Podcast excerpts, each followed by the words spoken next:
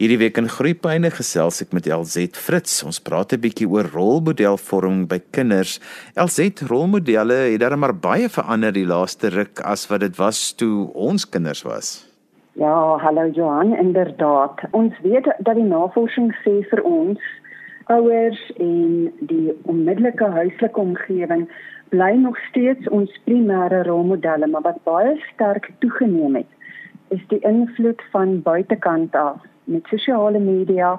As ek byvoorbeeld nou net dink aan 'n voorbeeld, en dis nou baie toevallig vanoggend het ek weer van haar gehoor, Billie Eilish wat 18 jaar oud is, wat onder Forbes 30 under 30 class of 2019 25 miljoen dollar aangebied is deur Apple vir 'n dokumentêr van haar lewe en wat 5 Grammys hierdie jaar gewen het, en sy's 18.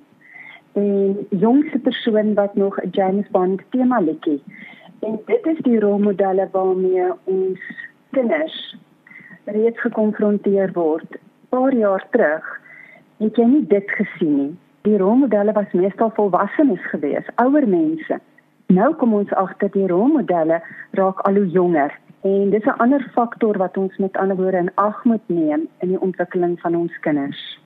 LZ want jy bring my by 'n belangrike ding want daar's aan die een kant is daar rolmodelle, maar dan is daar ook meningsvormers of opinievormers, ek weet nooit wat die regte woord is om daarna te verwys nie. En daar's 'n wisselwerking tussen daardie twee, maar ook baie keer wrywing, veral as dit kom by waardes en dinge wat belangrik is vir gesinne en wat die opinievormers sê en dit is nie net om die portuïergroep wat ek daarna verwys nie. Dis waar ja, daar is 'n uh, interafhanklikheid daar. As ek net gou-gou weer kan teruggaan na hoe mense op die einde ontwikkel. Daar was aanvanklik Piaget het gesê ons volg verskillende fases, dis universeel vir almal. Dis 'n individuele daad, dis vanaf die intrapersoonlik, met ander woorde die persoonlike ontwikkeling na die die sosiale ontwikkeling. Toe kom Vygotsky en Vygotsky sê vir ons nie, ons leer op 'n sosiale vlak. Ons leer eers op die interpersoonlike, dan na die intrapersoonlike. So die sosiale leer en deel van daai leer is wie help ons om ons opinies te vorm. In ons taalontwikkeling dis deur te praat met ander wat ek ook my denke ontwikkel. Dis deur te luister na ander en wat hulle sê wat ek my eie opinies vorm.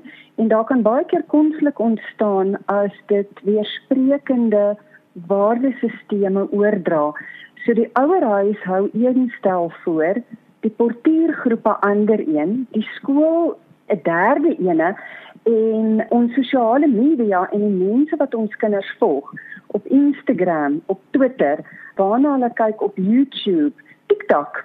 Dit help hulle weer op 'n ander vlak om opinies te vorm.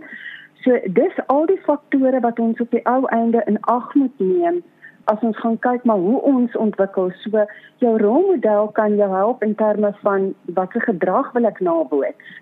Ek verteenwoordig wat is die moontlike en dan kan dit mense ook inspireer. So daar's verskillende funksies wat vervul kan word deur verskillende mense in verskillende kontekste binne 'n kind se ontwikkelingsfase.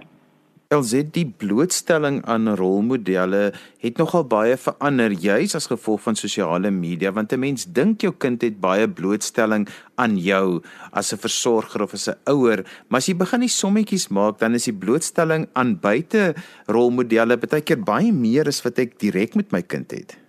Ek dink nie altyd ouers besef hoeveel tyd spandeer ons kinders op sosiale media nie dit het so deel geword van ons alledaagse bestaan dat volwassenes verloor tred met hoeveel tyd hulle spandeer. En daardeur kom hulle ook nie agter maar hoeveel tyd spandeer my kind met televisieprogramme agter 'n iPad, 'n slimfoon.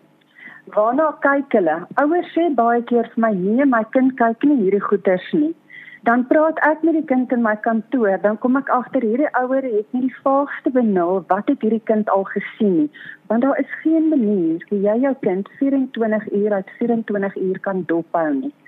En as jy kind nie dalk toegang daartoe het binne die huiskonteks nie, het jy toegang daartoe by hulle maats. En maats vertel weer goed wat jou kind hoor, jou kind nuuskierig maak en jou kind gaan soek dit op. So ja, daar het definitief 'n groot toename gekom in dit waarin ons kinders blootgestel word aan die hand van wat hulle kyk. En ek sê gewoonlik vir ouers, jy moet ten minste so 4, 5 tree, verkieslik 7 voor jou kind wees. En jy moet eintlik soms bietjie bietjie doen profeties, maar jy moet jy moet dan um, ergste scenario's verwag. En dan moet jou kommunikasie oop genoeg wees dat jy eintlik met jou kind oor hierdie goed kan praat, want as jou kind bang is oor hoe hy gaan reageer op dit waarna hulle kyk en wie hulle navolg en wie hulle inspireer, dan gaan jou kind dit nie met jou bespreek nie.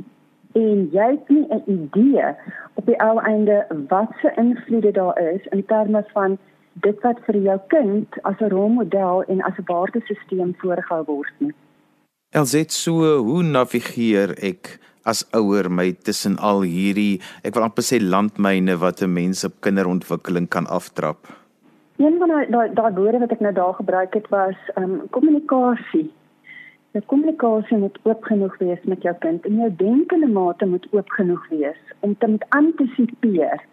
Waarna kyk my kind? Waaraan gaan my kind blootgestel word? En in jou alledaagse gesprekvoering moet jy baie fyn kan luister want ons kinders gooi baie keer vir ons saaitjies uit. Hulle sê vir ons waarna kyk hulle? As jy gaan kyk na die tipe klere wat hulle wil koop of die tipe liedjies waarna hulle luister, die programme wat hulle graag wil kyk, die speletjies wat hulle speel, al daar het invloed op ons kind. En as jou kommunikasie oop is en jy spandeer tyd saam met jou kind in die gebruik van die sosiale media, dan kry jy al 'n idee van okay, wat is besig om my kind se lewe wêreld aan te gaan.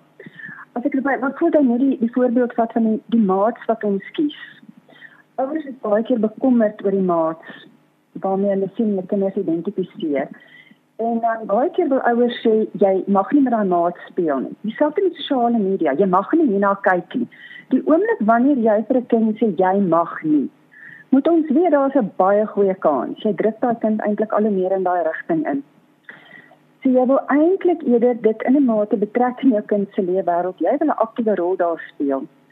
As dit maats is wat jy bekommerd is oor die invloed wat hulle op jou kind gaan uitoefen, moet jy eerder vir jouself afvra, hoekom is my kind aangetrokke tot daai maat? Wat identifiseer my kind in daai maat wat hulle binne in hulle self ervaar? Dieselfde met die programme waarna hulle kyk en die sosiale media, die liedjies waarna hulle luister iewers is daar iets wat aanklank vind in jou kind.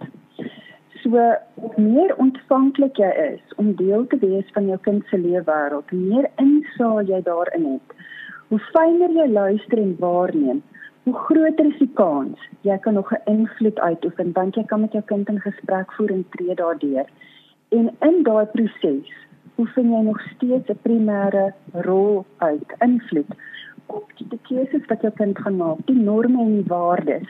Want die navorsing wys op hierdie stadium ten spyte van die feit dat sosiale media baie toegeneem het in die die die impak wat dit het, het op ons kinders se ontwikkeling.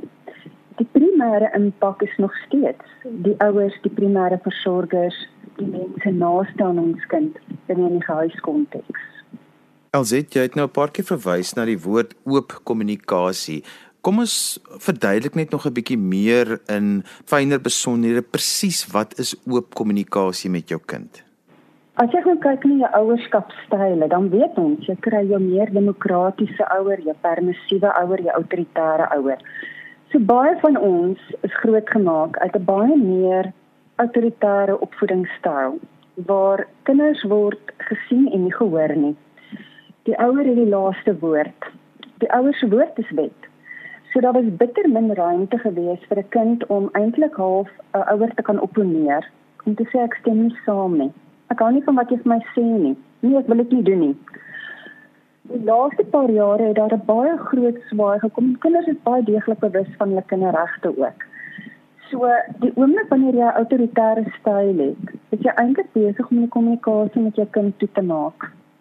Want jou woord is wet.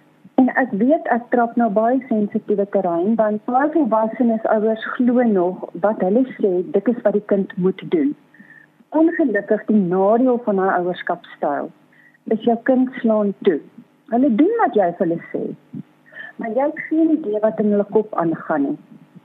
En omdat jy nie 24 ure uit 24 uur by jou kind is nie, weet jy nie hoe jou kind jou opponeer agter jou rug nie. En op 'n neer gaan jou kind jou opponeer. Miskien dalk nie dadelik nie want ons weet dit is anders vir ons peuters, kleuters, die skoolgaande kind, die tiener, die adolescent, die jong volwassene. Verskillende ontwikkelingsfases gaan verskillend reageer op die ouerskapstyle. Maar as jy eintlik ook kommunikasie met jou kind wil hê, dan moet jy 'n mate baie meer demokratiese styl met jou kind waar jy nog steeds beheer het. Jou kind weet jy's in beheer. Jy gaan nog steeds die finale seggenskap hê, maar daar's ruimte dat jou kind vir jou kan sê, ek stem nie saam nie. En dan jy vra, hoekom stem jy nie met my saam nie? Dat daar baie meer gesprekvoering is vir ook redenering en 'n kind wat hulle opinie kan lig. Want dan kan jy agterkom maar wat is hulle denkstyl hier agter en waar kom dit vandaan? Wie speel 'n rol hierin? Wat het gebeur dat jou kind so sê? Wie is jou kind besig om na te volg? Dan kan jy nog 'n impak uitoefen jy kan ook met jou kind in gesprekvoering tree, jy kan 'n aktiwiteit saam met jou kind gaan doen, jy kan 'n speletjie speel om meer interaksie met jou kind te hê en daar's baie groot ruimte sodat jy jou kind kan in 'n mate ook oortuig. Maar hoekom jou standpunt dalk beter is as jy langtermyngevolge in ag neem. LZ, maar wat is die rolmodelle waarna kinders soek? Jy het net ook verwys na dat die sosiale media, dis ouers, dit is vir die skool, dit is omgewing, dis die portuïergroep, maar waarna soek kinders? Kinders wil sin maak van hulle lewe.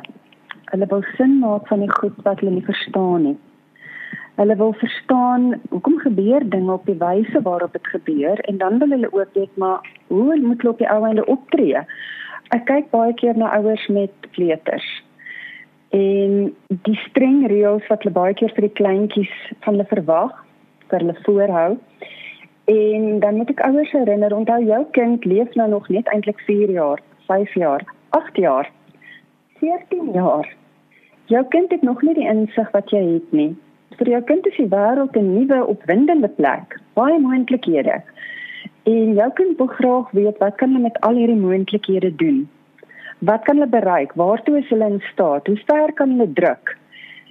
So dit is daai eksplorasie met opwinding en afwagting en wat gaan die gevolge daarvan wees? Ons kinders weet dit nie.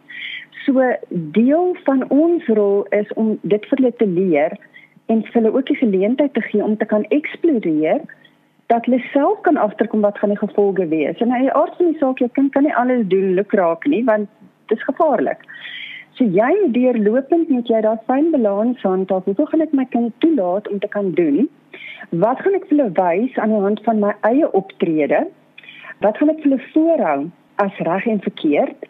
en die gevolge wat daaruit gaan voortspreek want op die einde moet jy jou kind grootmaak om eendag as 'n volwassene in 'n baie kompeterende, baie komplekse en soms vreesaanjaende wêreld te kan oorleef. Ons maak nie ons kinders groot vir vandag nie en ook nie vir môre nie. Ons maak hulle groot om eendag as 'n volwassene in die wêreld te kan oorleef en in 'n mate dit ook ten volle te kan geniet. En dis 'n ontsettende groot opgave vir ouers en dis waar die rolvorming, rolmodellering so ontsettend belangrik is. Elzet, watter rol speel ouerskapsverhoudings in die vorming van rolmodelle? En ek sluit nou spesifiek romantiese verhoudings uit daarin. Jy kan nou sommer vir ons die konteks gee oor hoekom ek dit ook so vra.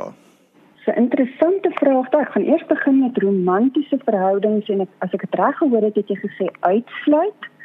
So ek gaan eers fokus op die belangrikheid van die verhoudinge binne in die gesin. Ons moet onthou vir ongeveer die eerste 2 jaar totdat ons kind se taalvaardighede regtig op die, op die vlak is met met ander woorde sê net maar die eerste 2 2 na 4 jaar is jou kind besig om baie sterk waar te neem. Hulle hou ons die hele tyd dop. Hulle luister. Want hulle kan nog nie eintlik hulle opinie so goed verwoord nie. Dis kom hulle hulle temper tantrums gooi. Hulle kommunikeer met hulle gedrag. So hulle kyk hoe ons optree, wat ons doen, hoe ons in interaksie met mekaar tree. Ek sal nooit vergeet nie, my kind was 9 maande oud en ek was in die badkamer gewees en daar was 'n spinnekop gewees. En ek is vir die algemeen nie iemand wat eintlik skrik vir spinnekoppe nie. Ek hou van gedroggies. Maar dit het my onkant gevang en ek het agtertoe gespring. My kind het nie die spinnekop dadelik gesien nie maar het onmiddellik ook agtertoe gespring en toe die spinnekop gesien. En daar is die assosiasie gemaak. Jy sien 'n spinnekop en jy spring. 'n spinnekop is iets waarvoor jy moet bang wees. So nommer 1 dit wat ons doen en die stemtoon wat ons gebruik want dit het te maak met my emosionele regulering en ons kinders luister baie meer na my stemtoon, die hoogte, die tempo, die luidheid nog voordat hulle na my woorde geluister het. Luister hulle na hoe ek dit verwoord en hulle gaan daarop reageer. So net daai waarneming wat jou kind al sien, speel 'n ontsettende groot rol. Hoe ons as volwassenes reëls volg As ek 'n eenvoudige voorbeeld vat, jy vat jou kind in die oggend skool toe. Dit is gejaagd, jy's laat, jy het 'n belangrike vergadering. Jou kind sit agter en hou jou dop terwyl jy besig is om te bestuur. En jy jaag soos 'n maniak. En daar's 'n paar karre in jou pad. En jy gebruik 'n paar keurige woorde met 'n paar hands handgebare. Jou kind is besig om dit waar te neem. So dan moet jy nie verbaas wees as jou kind dieselfde taal gebruik, handhaaf, selfde handgebare gaan gebruik, nie net in die kar nie, maar ook met 'n konfliksituasie by die skool waar 'n maatjie dalk in hulle pad is terwyl hulle buite die klas staan voordat hulle die klas ingaan. Die manier hoe ons vir ons kinders rolmodelleer empatie, deernis en onderlinge verhouding met die ander gesinslede en dan ook met die kind self. Kind wat seer gekry het en jy sê vir die kind, Ag moenie so sissie wees nie. Hou op hou. Pull yourself together. Boys don't cry. Jy is besig om daar 'n baie sterk boodskap te kommunikeer. In terme van het jy die reg om seer te kry, om seer te voel? Slaan ek ag op jou eie ervaring of sê ek jy sluk jou emosies and get over it. En dis baie kragtige boodskappe wat ons daar vir ons kind kommunikeer. Dit het te maak met het ek as mens die reg om te voel wat ek voel? Of moet ek skuldig en skaam daaroor voel? En dan op die einde wat gaan die gevolge wees van my besluit en dade? Hoe gaan ek reageer daarop? As ek 'n fout gemaak het en jou kind sien in die huiskonteks jy het 'n fout gemaak, dit was 'n ongeluk geweest. Raak jy kwaad? Blameer jy iemand anders daarvoor want jy's besig om jou kind te leer? Dit is hoe ons gaan reageer op foute in hierdie huis. Of ons raak verskriklik kwaad en ons haal dit op die hond uit of iemand anders, ons blameer iemand anders. Dis nooit my skuld nie. Ek het nie aanspreeklikheid nie. Dit is iemand anders se skuld. Alsit want dit is hoekom die ouerskapsverhoudings so belangrik is, veral ook tussen twee ouers want dit is al manier hoe kinders eintlik verhoudings van jongs af kan beleef en waarop hulle dan hulle eie verhoudings kan rolmodel. Dis reg ja, so ons weet nou met die Grendeltyd. In sommige gesinne het dit baie glad verloop. Dit was vir hulle eintlik 'n bietjie hemel op aarde, maar in baie gesinne was dit hel geweest. Van die eggenote, die vennootskap tussen die primêre volwassenes wat in 'n verhouding met mekaar is. En ek gaan nou nie eers net sê romanties nie, want dit dit kan dalk kan 'n enkel ouer wees wat saam met 'n ander met hulle eie ouer met ander woorde die kind se grootouer in die huis bly. En daai onderlinge verhoudinge op sigself het tydens die Grendeltyd vir baie gesinne so geeskaleer in konflik dat dit vir die kinders 'n nagmerrie wêreld was. So ons sit nou met die die neeweffekte van die Grendeltyd waar ons sit met kinders met sulke hoë angsvlakke as gevolg van die konflik wat hulle ervaar het in 'n gesinskonteks met volwassenes wat hulle self nie kon reguleer nie. Waar daar nie gerolmodelleer is, hoe praat jy deur konflik? Hoe kom jy by konflikresolusie uit? Wat is 'n goeie manier om gehoor te gee aan iemand anders se behoeftes, ook erkenning te gee aan my behoeftes en daai impak op kinders? Is dit waarmee ons op hierdie stadium gekonfronteer word en dit het langtermyngevolge. So ek voel vir die volwassenes op hierdie stadium wat skielik agterkom ek is vasgevang in 'n verhouding wat nie 'n gesonde verhouding is nie. En nou sit jy met die komplikasie ook want nou het jou kind ook blootstelling gehad daaraan en dit gaan weer uitspel op die ou einde binne die skoolkonteks en hulle interpersoonlike verhoudinge en ook hoe die kind weer eens na hulle self kyk en dink met 'n gevoel van onveiligheid. Het net so 'n laaste opmerking wat ek wil maak en ek wil graag hê jy moet ons 'n bietjie raad daaroor gee is as 'n mens nou op sosiale media gaan en jy sien hoe wonderlik is ander mense se lewens en kinders sien baie keer ook hoe wonderlik is hulle maat se lewens en hulle vergelyk hulle eie lewens daarmee en sê maar dit word dan ook vir amper 'n rolmodel en 'n model waarop hulle dan dink sjoe as dit nou met my lewe so sal gaan. So die realiteit versus dit wat ek ervaar hoe sou ek daai gesprek met my kind dat dit nie eintlik die realiteit is wat hulle daar sien nie. Ek is nog 'n baie groot voorstander van metafore en 'n redelike konkrete leer en kinders snap dit vinnig. So as jy 'n keurige maaltyd voorberei het en jy neem 'n foto van daai pragtige bord kos en die mooi gedekte tafel met al die liggies en die kersse, dan wys jy vir jou kind daai foto en jy sê vir jou kind, "Goed. Nou gaan kyk jy eers. Lyk like haar kombuis nadat ons hierdie maaltyd voorberei het. Want jy gaan sien daar's potte en panne en daar's oliespatsels en daar's skille.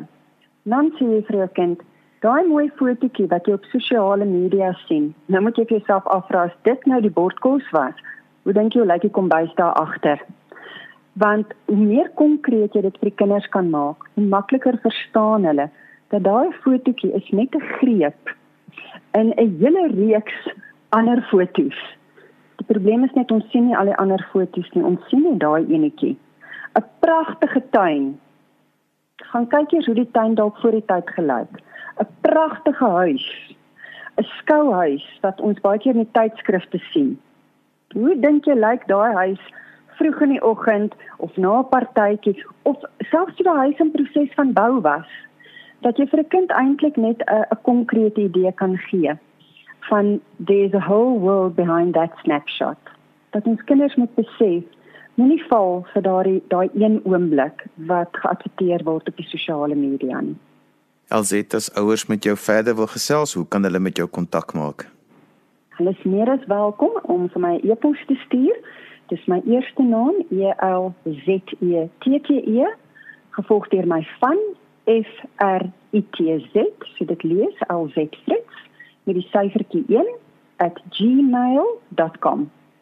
En so gesels LZ Fritz, ons het vandag gesels 'n bietjie oor rolmodelvorming by kinders. Onthou jy kan weer na vandag se program luister as 'n pot gooi. Laat dit af by resgep.co.za. Skryf gerus vir my 'n e-pos by groeipyne@resgep.co.za. Dan groet ek dan vir vandag tot volgende week van my Johan van Lille. Totsiens.